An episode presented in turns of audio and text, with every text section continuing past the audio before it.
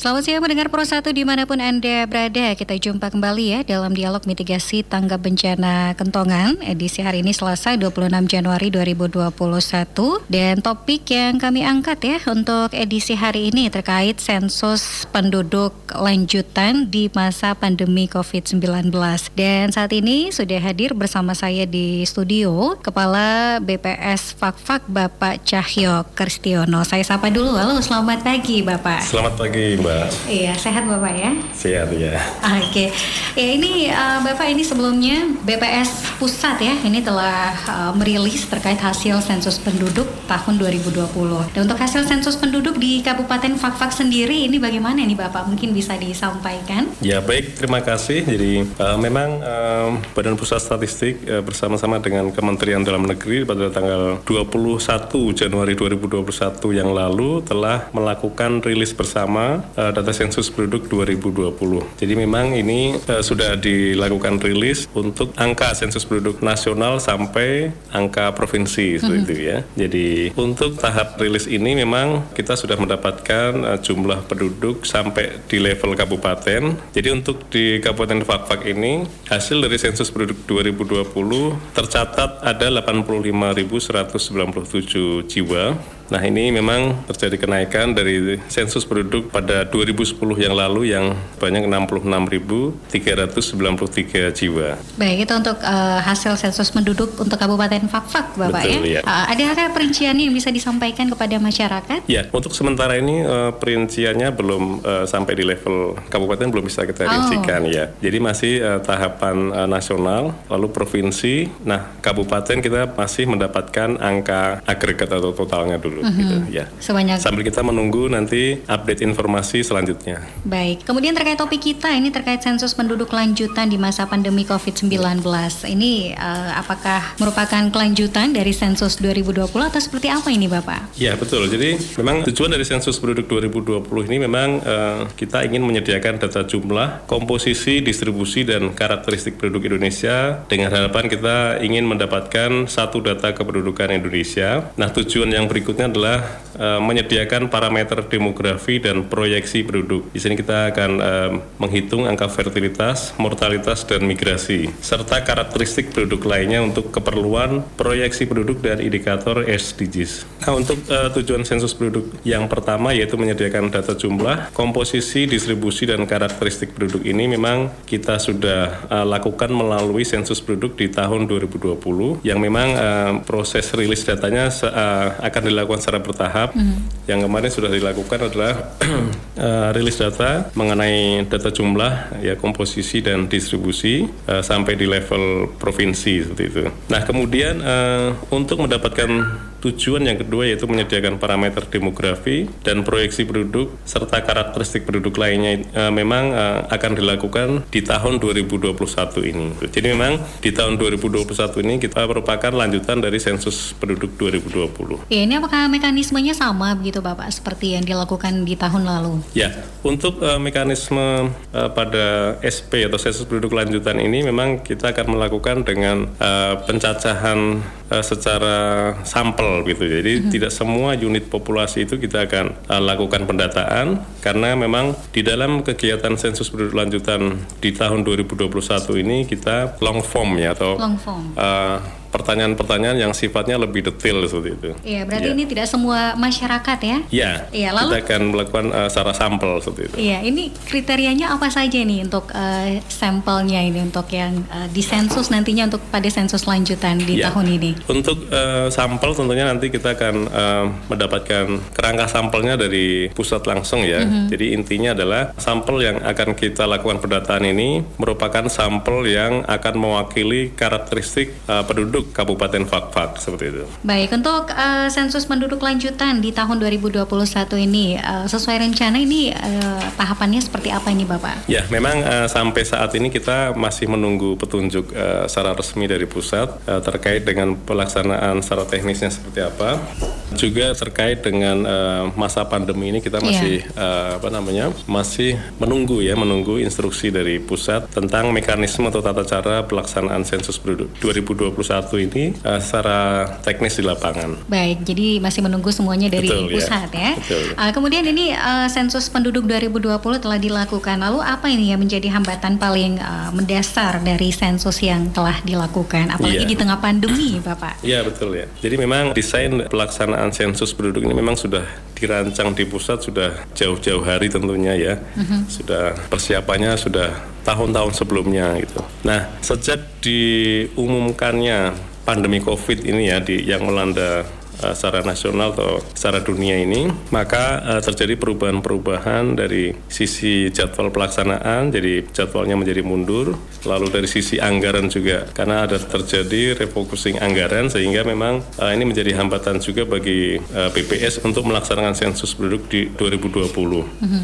Nah, saya kira hambatan yang terbesar adalah pandemi ini ya, pandemi mm-hmm. ini membuat banyak banyak sekali perubahan-perubahan yang kita harus uh, segera dengan cepat untuk menyesuaikan. Ya, itu saja Pak hambatannya atau masih ada lagi nih? Ya, saya kira uh, secara umum uh, seperti itu ya. Saya kira kalau dari sisi responden memang kami juga mengucapkan terima kasih atas uh, partisipasi seluruh uh, penduduk khususnya di Kabupaten Fakfak ini mulai dari tahapan sensus penduduk online sampai pada sensus penduduk wawancara yang dilaksanakan pada bulan September walaupun memang ada laporan-laporan uh, juga yang uh, menginformasikan adanya beberapa apa semacam penolakan seperti yeah. itu ya. Gitu. Tetapi uh, secara umum uh, di Kabupaten Fakfak ini sudah berjalan dengan lancar. Iya, untuk tingkat partisipasi dari masyarakat untuk sensus sendiri bagaimana ini Bapak di Kabupaten Fakfak? Iya, tingkat partisipasi mungkin kalau saya menjelaskan mulai dari tahapan sensus penduduk online, kita memang waktu itu mentargetkan hanya dua atau ya dua persen dari penduduk uh, Kabupaten Fakfak ini akan berpartisipasi di dalam sensus penduduk online, tetapi uh, setelah kita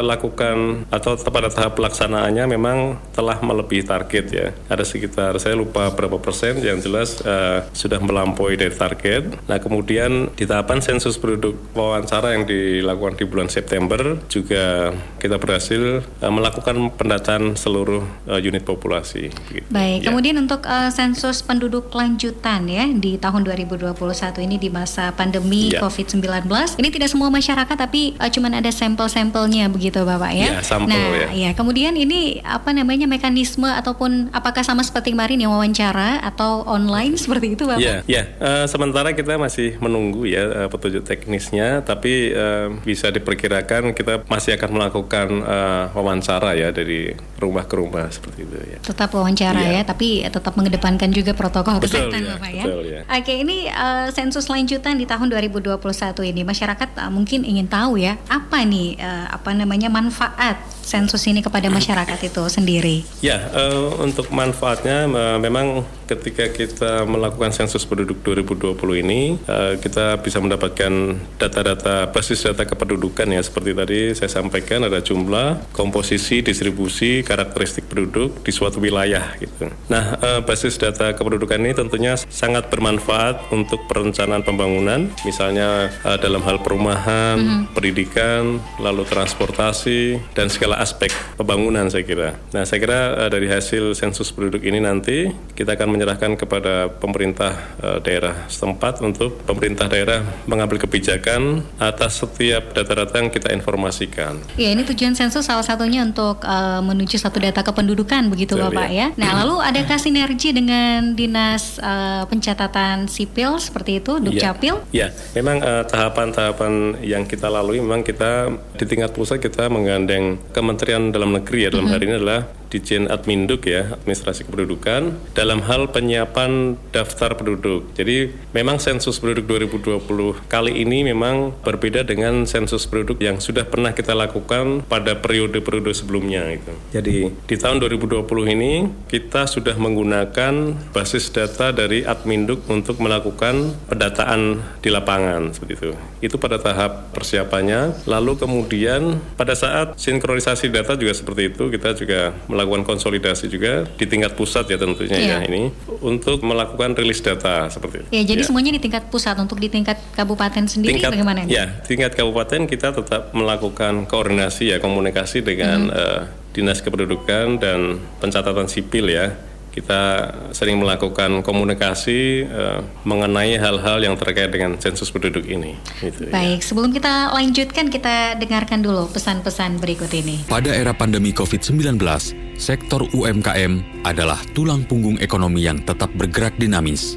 Pemerintah pun memberi dukungan penuh bagi sektor UMKM ini seperti yang disampaikan Menko Perekonomian Erlangga Hartarto, yang juga Ketua Komite Penanganan COVID-19 dan Pemulihan Ekonomi Nasional. Para pendengar RRI, optimisme pemulihan ekonomi nasional saat ini mulai nampak. Antara lain dengan indeks kepercayaan konsumen sudah mencapai 96,5 persen dari target 100 persen.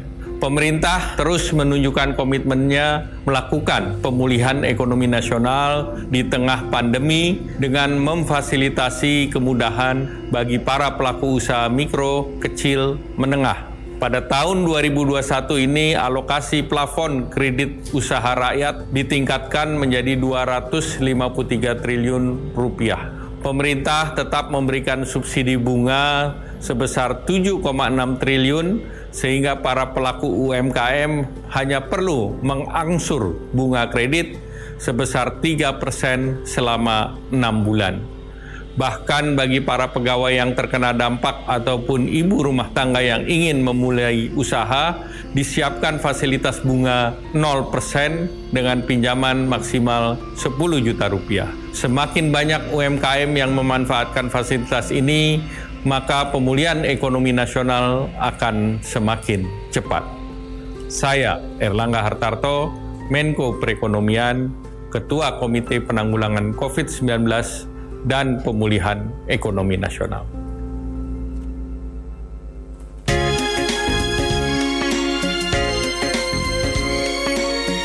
1, Kanal Inspirasi. Ya, pendengar masih bersama dalam dialog mitigasi tangga bencana kentongan ya dengan topik terkait sensus penduduk lanjutan di masa pandemi COVID-19 dan masih bersama saya di studio Kepala BPS Fakfak Bapak Cahyo Kristiono. Ya, kita kembali ya ini terkait topik kita sensus penduduk lanjutan di masa pandemi COVID-19. Ini apa strategi yang uh, dibangun ya sehingga sensus ini tentunya lebih baik dan sukses dan sesuai target yang diharapkan? Ya, jadi untuk uh, mendapatkan hasil yang terbaik tentunya kita tidak bisa bekerja sendirian karena hmm. kita memerlukan uh, koordinasi uh, bersama-sama dengan instansi terkait. Uh, kita sejak awal kegiatan sensus penduduk juga sudah melakukan koordinasi uh, yang baik dengan pemerintah daerah setempat. Uh, lalu kita juga melakukan perancangan petugas ya, petugas uh, jumlah petugas, lalu kita mengidentifikasi untuk perekrutan petugas dan segala macam gitu. Saya kira persiapan-persiapan ini sudah menjadi hal yang harus kita lakukan untuk untuk mewujudkan hasil sensus penduduk yang lebih bagus gitu. Iya, kemudian ini terkait persiapan ya iya. ini untuk sensus penduduk lanjutan di tahun ini. Apa saja yang sudah dilakukan ini, Bapak? Ya, memang uh, untuk saat ini kami belum mulai uh, melakukan persiapan ya, Bu ya, hmm. karena memang kita masih menunggu instruksi dari uh, pusat, tapi memang kita sudah mulai mengidentifikasi database uh,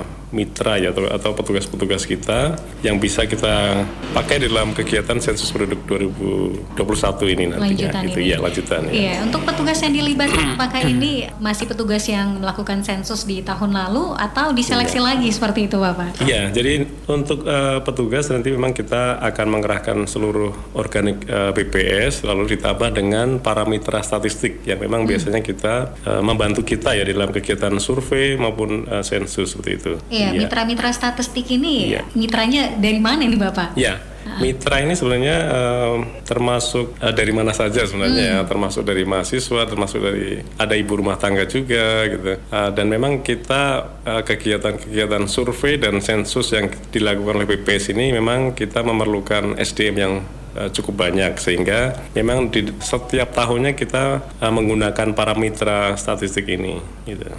Iya, tapi apakah ada pelatihan juga ya. untuk para mitra-mitra ini? Ya, tentunya kalau pelat uh, ada ya, karena hmm. setiap kali kegiatan memang kita memerlukan penyatuan atau ya penyatuan konsep dan definisi terkait isian dari kuesioner lalu tata cara pelaksanaan di lapangan juga harus memenuhi uh, standar operating procedure atau SOP seperti itu. Ya, kemudian untuk di Kabupaten Fakfak sendiri Bapak ini wilayah-wilayah ya. mana saja yang akan dijangkau? Apakah sudah ada pemetaannya seperti itu? Ya, kalau untuk wilayah saya kira hampir uh, bisa dibilang hampir semua nanti akan uh, dilakukan pencacahan sampel ya. Cuman hmm. memang misalnya di satu distrik tidak seluruh seluruhnya populasi itu akan dilakukan pencacahan seperti itu. Baik, berarti ini uh, 17 distrik semuanya yang ada di Fakfak ya. dan kebagian juga Bapak ya? Iya, saya kira seperti itu. Sambil kita juga menunggu uh, sampel dari pusat ya nantinya. Iya, ini sudah ada bocoran ini mulai uh, dilakukan ini kapan ini Bapak ya, ya di tahun ini?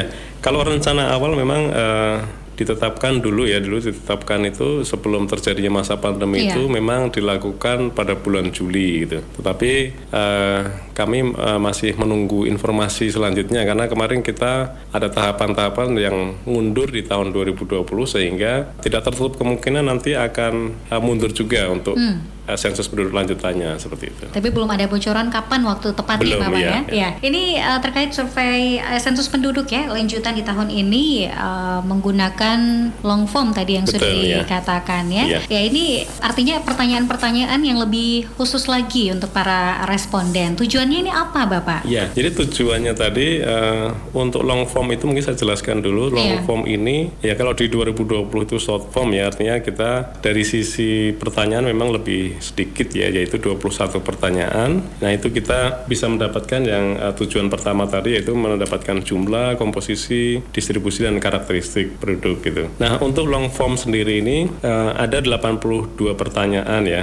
Uh, jadi nanti intinya itu adalah kita ingin mendapatkan parameter demografi serta karakteristik uh, penduduk yang lainnya gitu. Serta mm -hmm. kita juga akan uh, mendapatkan indikator terkait uh, SDGs atau Sustainable Development Goals atau pembangunan berkelanjutan. Nah, di sini uh, perlu saya sampaikan mungkin dari pertanyaan di long form ini ada pertanyaan terkait individu, ada pertanyaan mengenai migrasi, lalu pendidikan, kesehatan, ketenaga kerjaan, perumahan, fertilitas dan mortalitas. Nah ini cukup kompleks uh, pertanyaannya sehingga memang uh, kuesioner ini dirancang uh, untuk dilakukan secara sampel seperti itu. Ya jadi lebih mendetail gitu Betul, Bapak ya. ya. Ya tadi sempat disinggung salah satu kendala ini ada masyarakat yang uh, menolak begitu. Lalu ya. jika terjadi lagi pada sensus penduduk lanjutan di tahun 2021 ini pendekatan-pendekatan apa yang dilakukan ini Bapak? Ya kita berharap di tahun ini kita uh, lebih dipermudah ya nantinya. Mm -hmm. Ya, kalaupun uh, terjadi seperti itu, memang kita tetap uh, melakukan koordinasi dengan pemerintah daerah setempat ya. Mungkin kalau di tingkat distrik kita juga uh, meminta dukungan dari kepala distrik atau kelurahan atau kampung atau bahkan di tingkat RT sekalipun. Iya, kemudian untuk uh, ini segala sesuatunya juga berdasarkan anggaran ini Bapak Betul, ya. ya. Nah, agar terjalan dengan lancar, ya. seperti apa ini Bapak? Ya, kalau anggaran memang uh, kita memang sudah melihat ada anggaran di untuk sensus penduduk ya. uh, lanjutan ya. ya. Mm -hmm seperti itu mas sudah ada cuman memang kita juga tidak tahu nanti ke depan ini apakah akan ada refocusing lagi anggaran terkait penanganan pandemi hmm. atau tidak kita juga belum tahu. Yang jelas uh, anggaran itulah nanti akan dipakai untuk uh, melaksanakan pencacahan sampel ini ya di sensus penduduk 2020 lanjutan seperti itu. Baik, uh, Bapak sebelum kita lanjutkan lagi ya, kita dengarkan kembali di satu pesan-pesan berikut ini. Terapi plasma konvalesen saat ini menjadi harapan pasien COVID-19, terutama yang mengalami infeksi berat para penyintas COVID-19 dapat berperan aktif membantu sesama dengan menjadi donor plasma konvalesen, seperti yang telah dilakukan Menko Perekonomian serta Ketua Komite Penanganan COVID-19 dan Pemulihan Ekonomi Nasional, Erlangga Hartarto. Para pendengar RRI, harapan untuk sembuh bagi pasien COVID-19 kini semakin banyak yakni tidak saja melalui obat-obatan yang diberikan tenaga medis, namun juga dengan terapi plasma konvalesen. Terapi plasma konvalesen ini diberikan oleh para pendonor yang telah sembuh dari COVID-19 untuk diberikan kepada pasien lain yang terinfeksi berat COVID-19. Saya pribadi telah melakukan donor plasma konvalesen ini dengan harapan agar juga dapat diikuti oleh para penyintas COVID-19 lainnya. Pemerintah bersama Palang Merah Indonesia akan memfasilitasi terapi plasma konvalesen sebanyak mungkin. Bila ada 10% saja penyintas COVID-19 melakukan donor plasma konvalesen, maka akan semakin banyak pasien sembuh serta akan mendukung harapan Presiden Joko Widodo agar terbentuk herd immunity pada akhir tahun ini. Saatnya berbuat baik untuk sesama dengan menjadi donor plasma konvalesen. Saya Erlangga Hartarto, Menko Perekonomian, Ketua Komite Penanganan COVID-19 dan Pemulihan Ekonomi Nasional.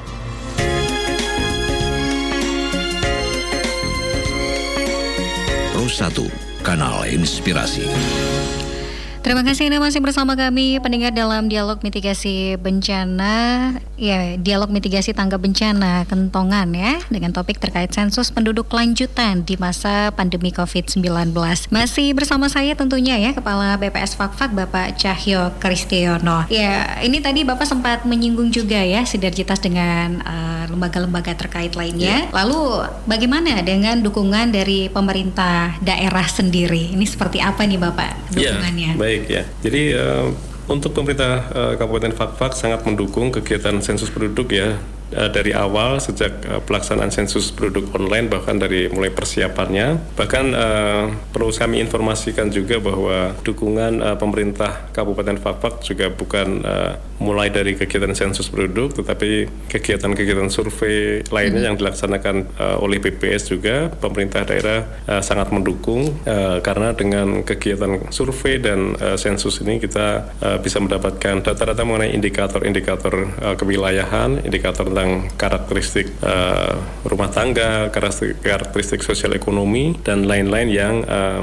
nantinya akan dipakai pemerintah daerah setempat ini untuk uh, perencanaan pembangunan.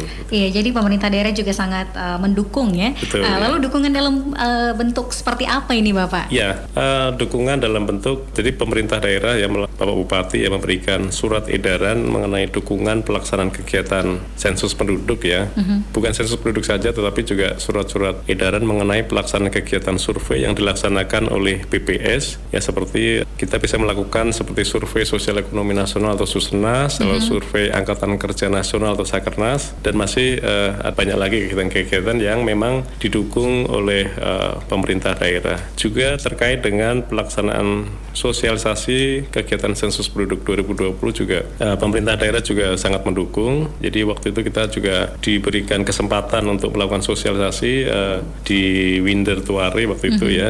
Jadi Bapak Bupati memerintahkan seluruh jajarannya untuk mengikuti kegiatan sosialisasi tersebut bahkan sampai di level uh, tingkat pemerintahan desa juga seperti itu. Iya, kemudian ya. ini terkait sosialisasi untuk uh, sensus penduduk lanjutan di masa pandemi Covid-19 ini. Mungkin masyarakat uh, ada yang belum tahu juga ini terkait sensus lanjutan di tahun ini. Iya, betul ya. Jadi memang uh, kami juga masih menunggu uh, petunjuknya serta materi dari sosialisasi nanti uh-huh. untuk nantinya tetap kami akan melakukan uh, sosialisasi tersebut kepada masyarakat sehingga masyarakat juga mendapatkan informasi lebih awal sehingga ketika petugas uh, datang ke lapangan mereka juga uh, sudah mengetahui bahwa akan ada pelaksanaan kegiatan sensus penduduk uh, lanjutan. Iya, itu. jangan sampai nanti terjadi petugas datang terus masyarakat bilang wah ini kan sudah sensus kemarin ya, betul, kemarin. Ya. Oke, okay. iya Bapak ini karena keterbatasan waktu ya, ini ya. hanya setengah jam kebersamaan kita mungkin dapat uh, menyampaikan uh, yeah. closing statement terkait topik kita sensus penduduk lanjutan di masa pandemi COVID-19.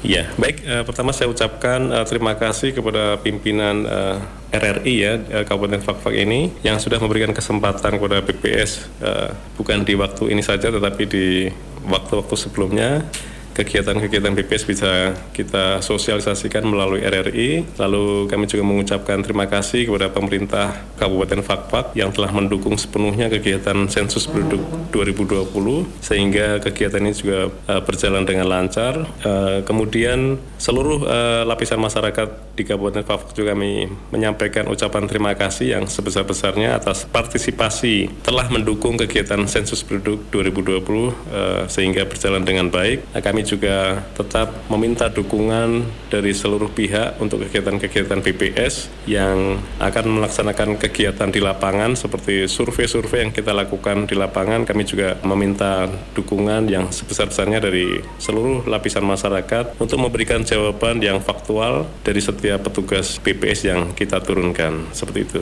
Baik, terima ya. kasih Pak Cahyo Kristiono atas waktunya bersama RRI dan pendengar sampai di sini kebersamaan kita dalam dialog mitigasi tanggap bencana Kentongan.